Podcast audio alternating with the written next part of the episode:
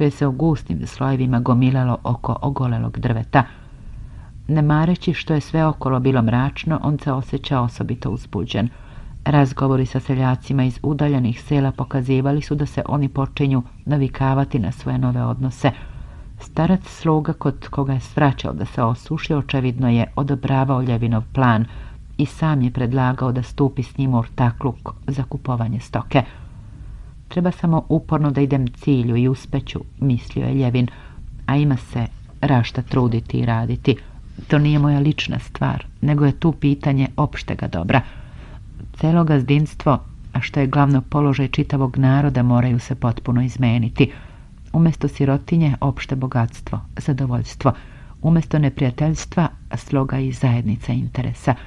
Jednom reči, beskrvna revolucija, ali najveća revolucija, s početka u malom krugu našega sreza, zatim u guberniji, Rusiji, celome svetu, jer pravična misao ne može ne biti plodonosna, jest, to je cilj radi koga vredi raditi, a okolnost što sam to ja, Kostja Ljevin, onaj koji je došao na balu crnoj vratnoj marami koga je odbila Ščerbatska i koji je sam po sebi žalostan i neznatan, to ništa ne znači.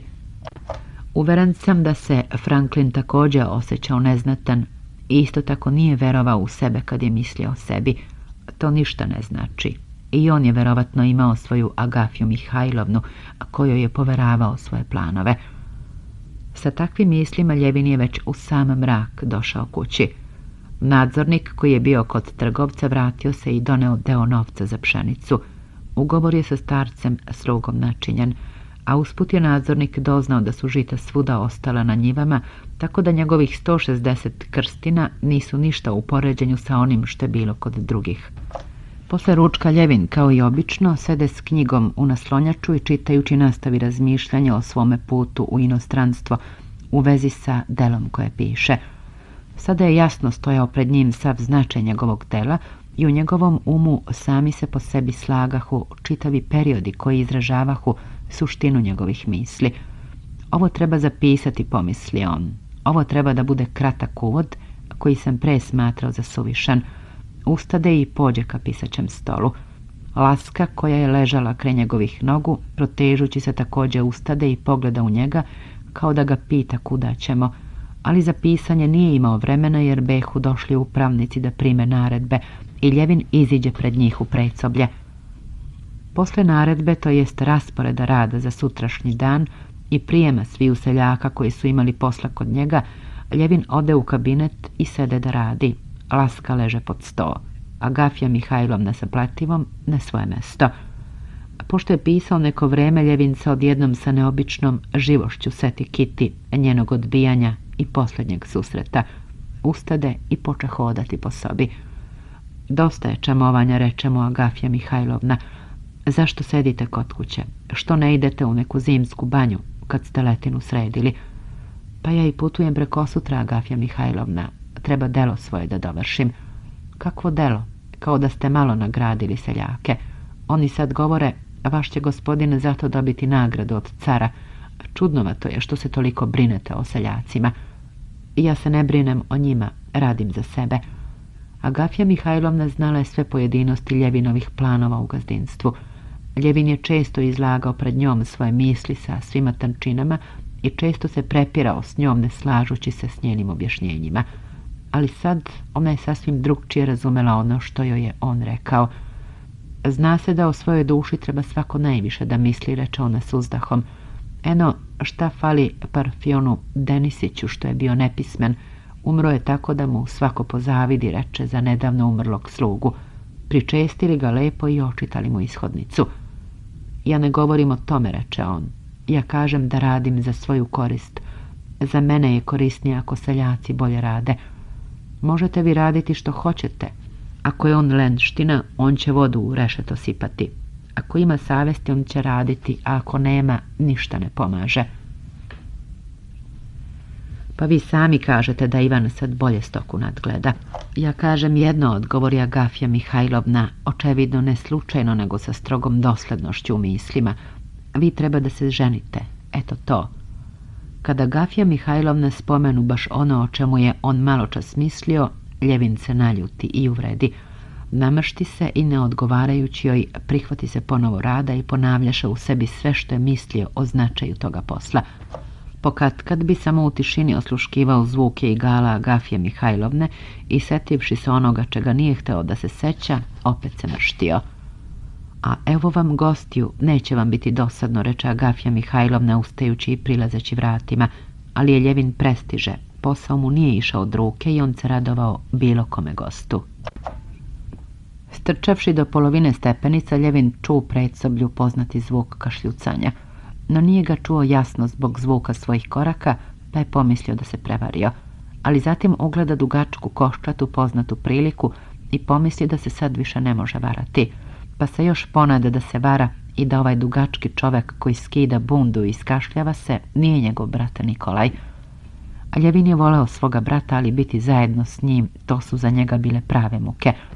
A sad kad je pod utjecajem misli koja mu dođe u glavu i zbog napomena Agafije Mihajlovne bio nesređen i zbunjen, predstojeći sastanak sa bratom činio mu se osobito težak.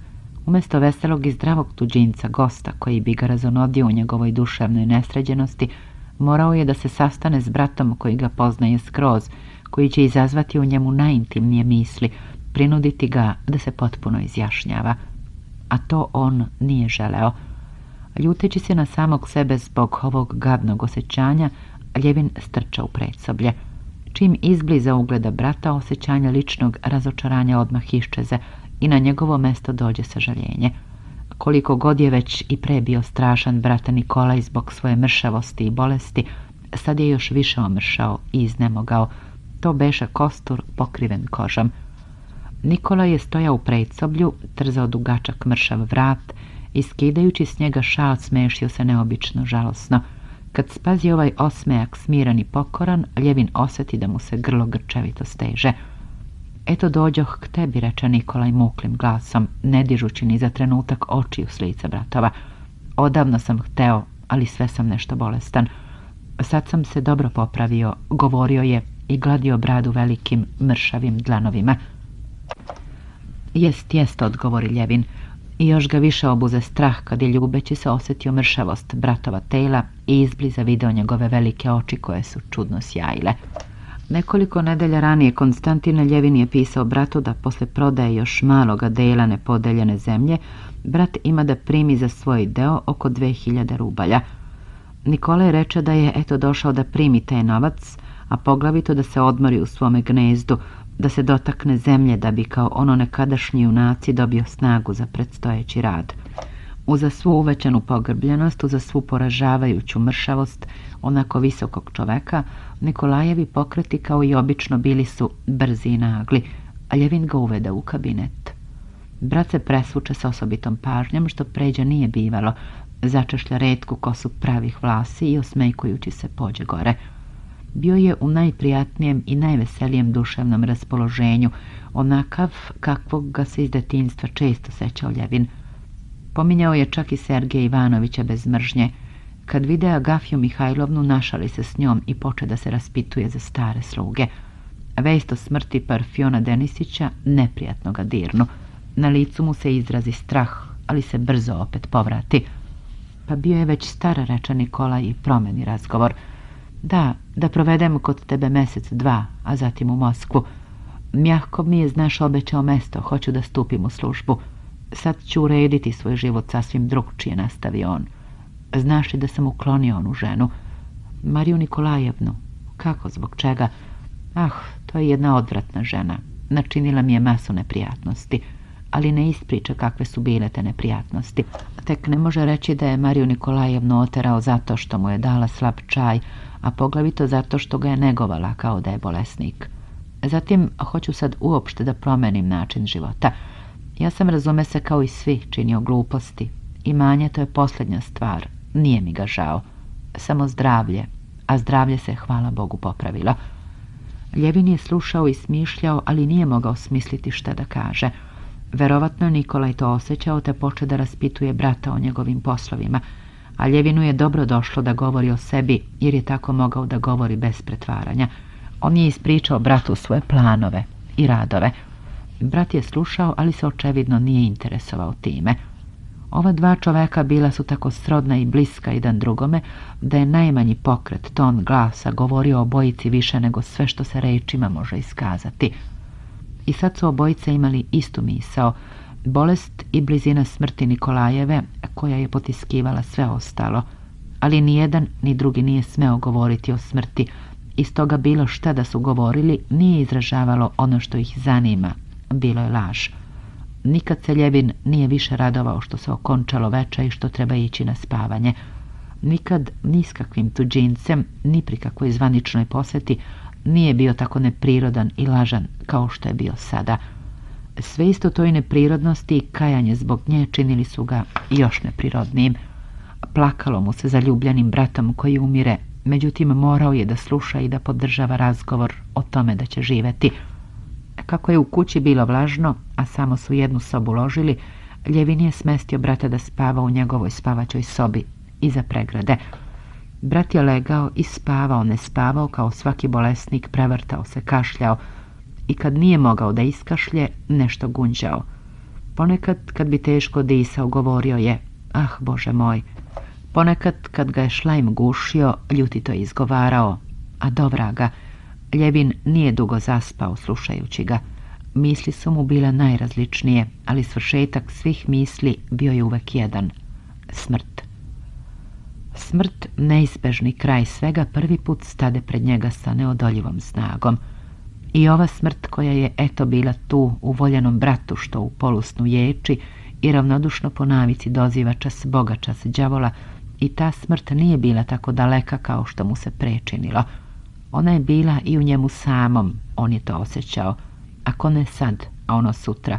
Ako ne sutra, ono kroz 30 godina. Ali zar to nije svejedno?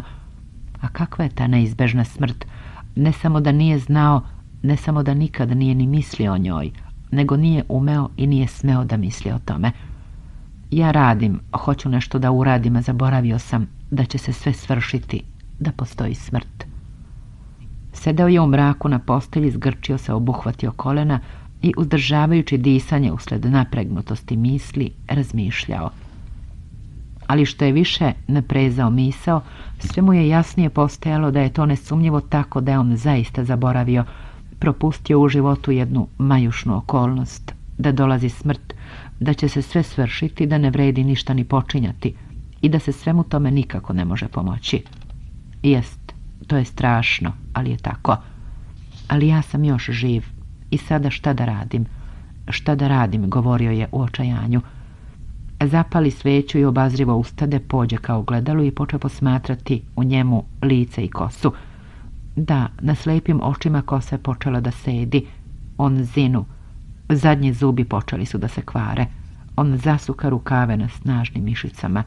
Da, snage je mnogo, ali i ni konjenka koji je eno tamo diša ostacima svojih pluća, imao je također zdravo telo i odjednom se seti kako su kao deca zajedno spavali i kako su samo čekali da Fjodor Bogdanić zamakne za vrata pa da se počnu gađati jastucima i kikotati se, neuzdržljivo se kikotati tako da ni strah od Fjodora Bogdanića nije mogao zaustaviti prekomerni izliv saznanja o sreći života. A sad tamo upale prazne grudi, a ja ne znam ni zašto, ni šta će se sa mnom zbiti.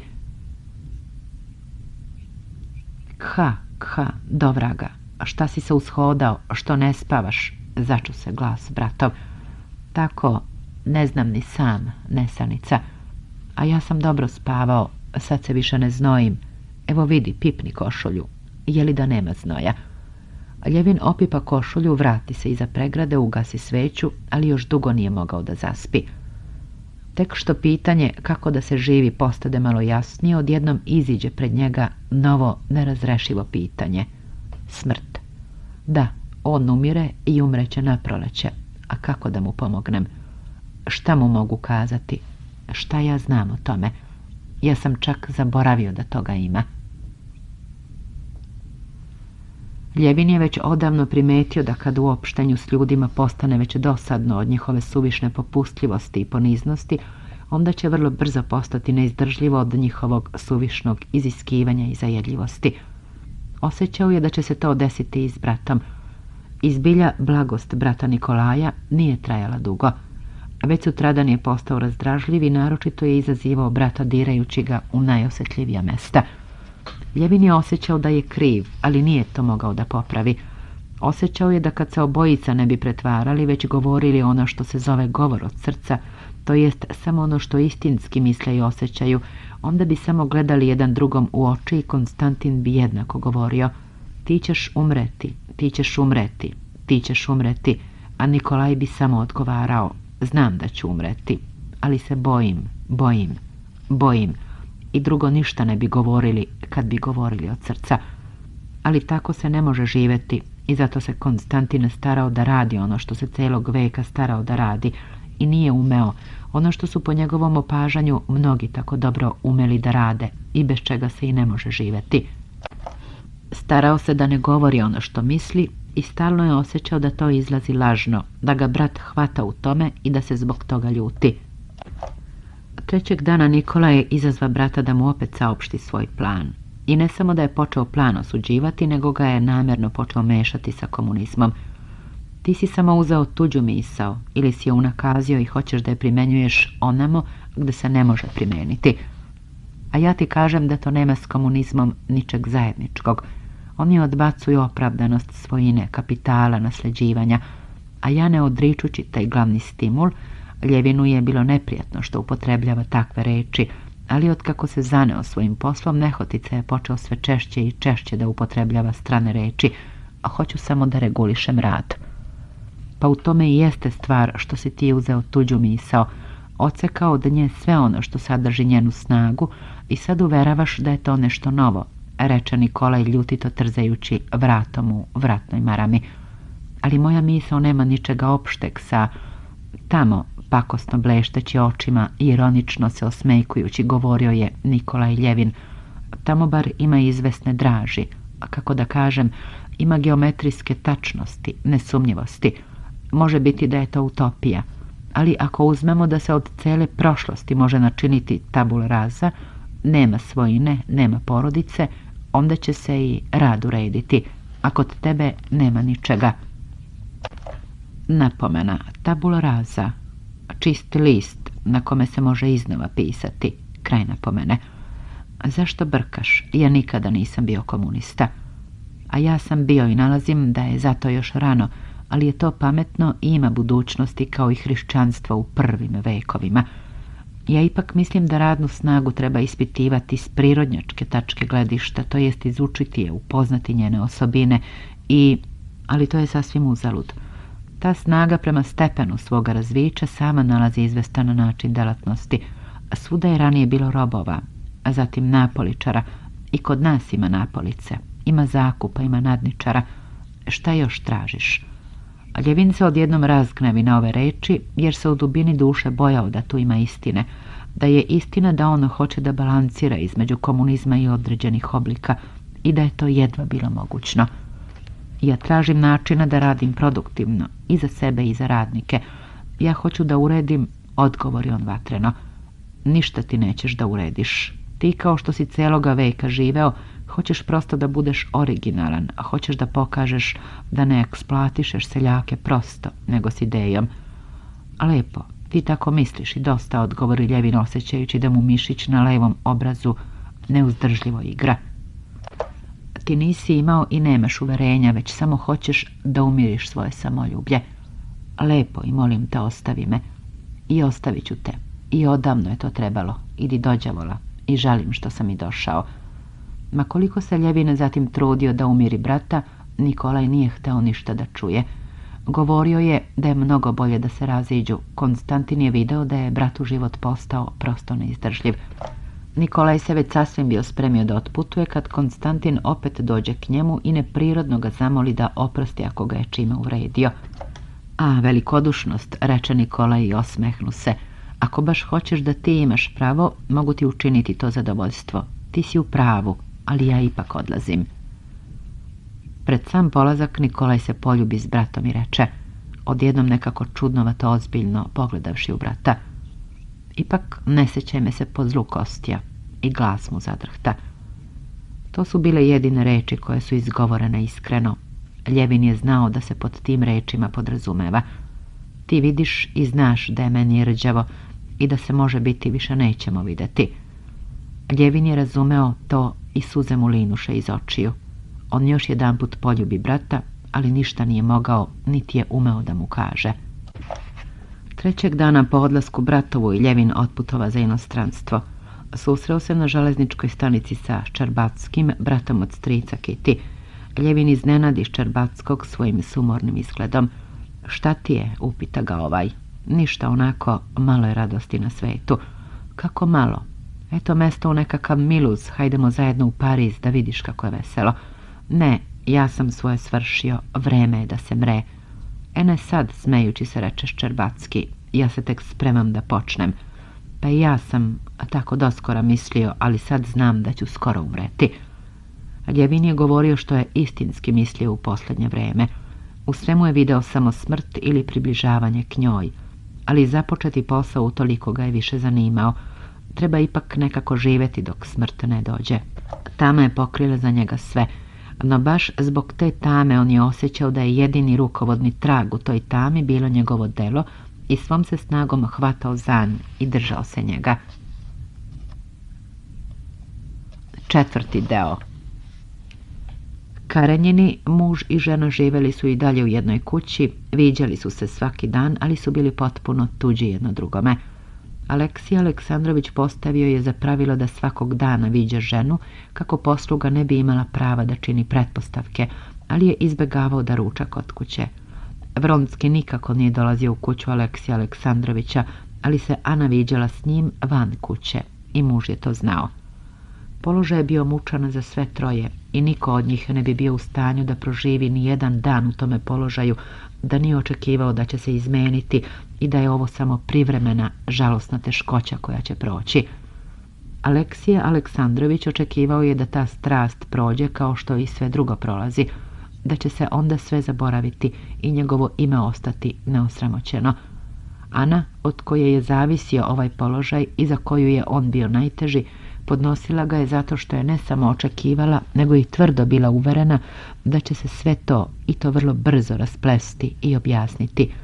Ona nikako nije znala šta je to što će rasplesti položaj, ali je tvrdo verovala da će to nešto doći sad vrlo brzo – Vronski nehotice joj se potčinjavajući također je očekivao nešto od njega nezavisno, što mora ukloniti sve teškoće. Usred zime Vronski je vrlo dosadno proveo jednu nedelju dana. Bio je određen da prati nekog stranog princa koji je doputovao u Petrograd i da mu pokazuje znamenitosti Petrograda. Vronski je sam po sebi bio lepa pojava, a osim toga vešt da se drži dostojanstveno učtivo i da se kako treba ophodi s takvim licima i radi toga je i bio određen da prati princa. Ali dužnost njegova činila mu se vrlo teška. Prince nije želeo da propusti ništa o čemu bi ga mogli upitati kod kuće da li je video ili ne u Rusi, a i sam je želao ukoliko je mogućno da okuša ruska zadovoljstva. Vronski je trebalo da mu bude vođ i u jednom i u drugom. Prepodne su išli da razgledaju znamenitosti. Uveče su učestvovali u nacionalnim zadovoljstvima. Princ je bio čak i za prinčeve neobično zdrav. Gimnastikom i dobrom negom tela razvio je u sebi takvu snagu da je bez obzira na suvišna zadovoljstva kojima se odavao, ostajao svež kao veliki zelen, gladak holandski krastavac. Princ je mnogo putovao i nalazio da se jedna od glavnih koristi sadašnje lakoće saobraćaja sastoju u pristupačnosti nacionalnih zadovoljstava. Bio je u Španiji i tamo priređivao serenade i zbližio se sa Španjolkom, koja je svirala na mandolini. U Švajcarskoj je ubio Gemzu, napomena, divokoza, kraj napomene. U Engleskoj je jahao u crvenom fraku preko plotova i za opkladu ubio stotine fazana. U Turskoj je bio u haremu, u Indiji je putovao na slonu, i sad u Rusiji hteo je da oproba sva specijalno ruska zadovoljstva. bronski koji je bio uz njega postavljen kao neki glavni ceremonijal majstor, imao je dosta muke oko rasporeda ruskih zadovoljstava koja su razna lica predlagala princu. Na programu su bili trkački konji i ruske palačinke i lovna medvede, i trojke i cigani i pijanke s ruskim razbijanjem posuđa – Princ je sa neobičnom lakoćom usvojio ruski duh, razbijao služavnike sa posuđem, stavljao ciganku sebi u krilo i izgledalo je kao da pita šta ima još, zar se samo u ovome sastoji sav ruski duh? U samoj pak stvari od svih ruskih zadovoljstava princu su se najviše sviđale francuske glumice, balerine i šampanje sa belim pečatom – Vronski je navikao na prinčeve, ali da li zbog toga što se on sam u posljednje vrijeme promenio ili od suviše velike blizine s ovim princem, ta nedelja bila mu je vrlo teška. Cijele nedelje bez prestanka osjećao se kao čovjek koji se našao sa opasnim ludakom. Boji se ludaka i u isto vrijeme zbog blizine s njim boji se i za svoj um. Vronski je neprestano osjećao potrebu da ton stroge službene učtivosti ni za jedan sekund ne popusti kod njega, kako ne bi došlo do toga da bude uvređen. Način na koji se princ ophodio sa licima koja su se na veliko čuđanje Vronskog iz petnih žila upinjala da mu pruže ruska zadovoljstva, bio je prezriv. Njegov sud o ruskim ženama, koje je želeo da prouči, više je puta primorao Vronskog da pocrveni od negodovanja – Glavni pak uzrok zbog čega je princ bio osobito težak Vronskom bio je u tome što je Vronski nehotice video u njemu samoga sebe, a to što je video u tom ogledalu nije laskalo njegovom samoljublju. To je bio vrlo glup, vrlo samouveren, vrlo zdrav i vrlo čist čovjek i ništa više. Princ je bio džentlmen, to je istina. Vronski to nije mogao odricati. Bio je obmeren i dostojanstven sa višima, slobodan i jednostavan u ophođenju sa sebi ravnima i prezrivo dobrodušan sa nižima.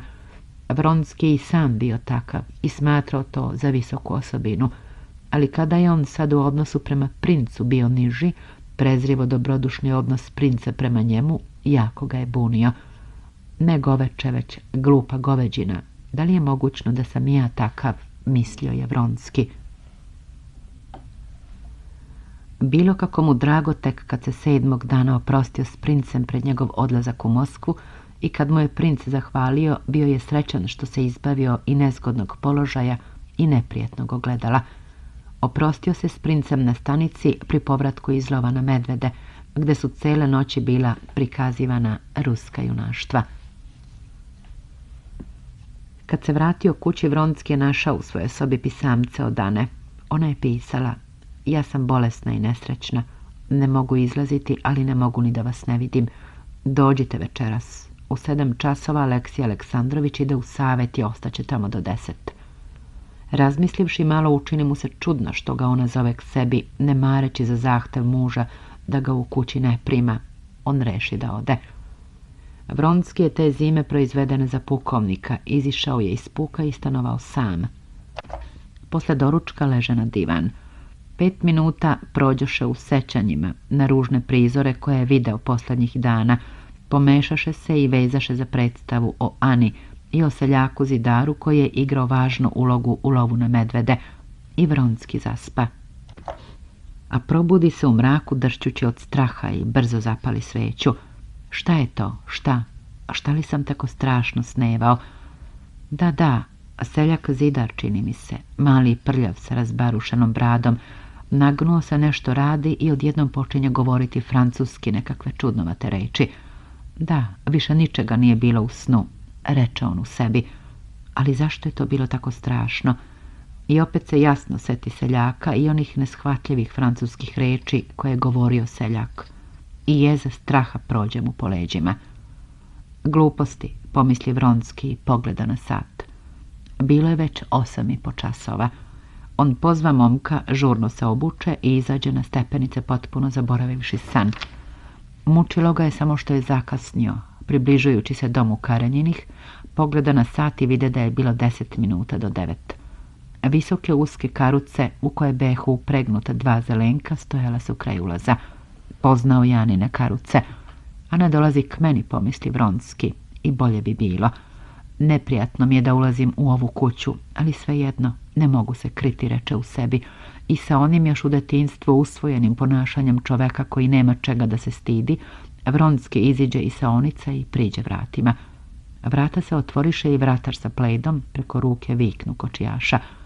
Vronski ne navikao da primećuje pojedinosti, primeti međutim sada začuđeni izraz s kojim je vratar gledao u njega. Na samim vratima Vronski se gotovo sudari sa Aleksijem Aleksandrovićem.